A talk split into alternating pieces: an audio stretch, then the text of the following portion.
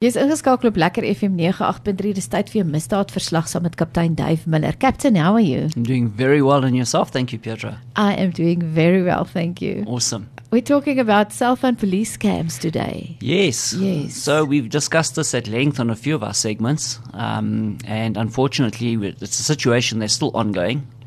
And there are a number of scams Yeah. that are out there, ranging from people telling you your vehicle has been recovered at the border and you've got to pay X amount of money for us to get the towing going, um, to whereby people are phoning you and telling you they've got a warrant for your arrest or that somebody has opened up a case against you and so forth. Uh, you know, and um, one of the main red flags that you need to look out for within any phone call from the police Yeah. is where they start asking for money. Yes, okay. Okay. So specifically with regards to where your vehicle has allegedly been recovered, okay, Okay. um, there are no costs involved in the recovery of that vehicle. yeah. Okay. Yeah.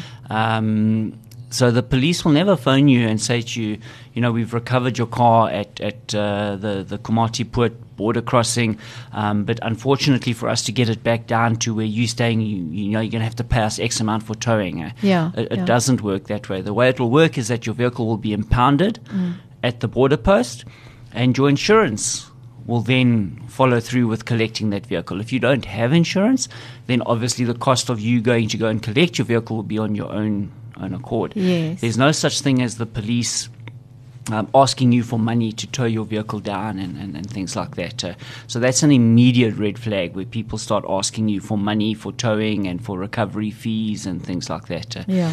Then the second aspect to this whole scam is where the alleged police officer is, is calling you and telling you that uh, somebody has opened up a docket against you Okay. and be it for f- uh, the one of the more common ones is where they allege that uh, you've visited a lady of ill repute and that you've paid with false money. Okay. Yeah. Okay. Yeah. Um, that is the one aspect. The other one is where they tell you you've assaulted somebody, there's a warrant of arrest for you, and things like that. Uh, and 99% of the time, these conversations go in the direction of that, but if you pay me X amount, Yeah. And once again, that is a huge red flag. Okay, for two reasons. Let's say it is a legitimate police officer. Mm. Okay, Yeah. and it is a legitimate case. Okay, that police officer is committing fraud. He's committing corruption. He's corrupt. Yes, yeah. yeah. Okay, so the moment that he starts talking about money, you need to understand that there's a crime that he is also committing. You may have assaulted somebody. That's Yeah, all fair and well.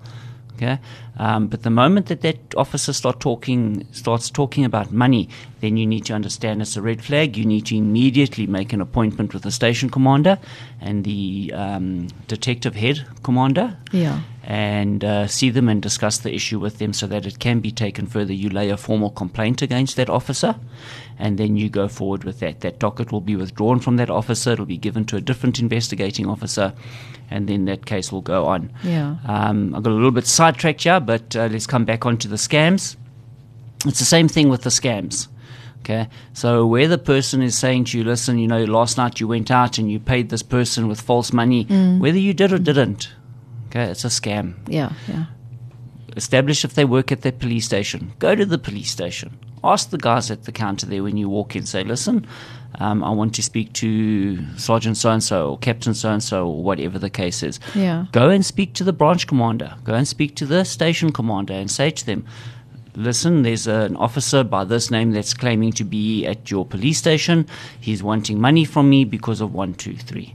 And you will establish very quickly whether or not it is a scam or whether it is something that is legitimate. Yeah. So one, go. it's good to take their name down and s- ask for the force number or whatever. Yes, Yeah. Mm. definitely.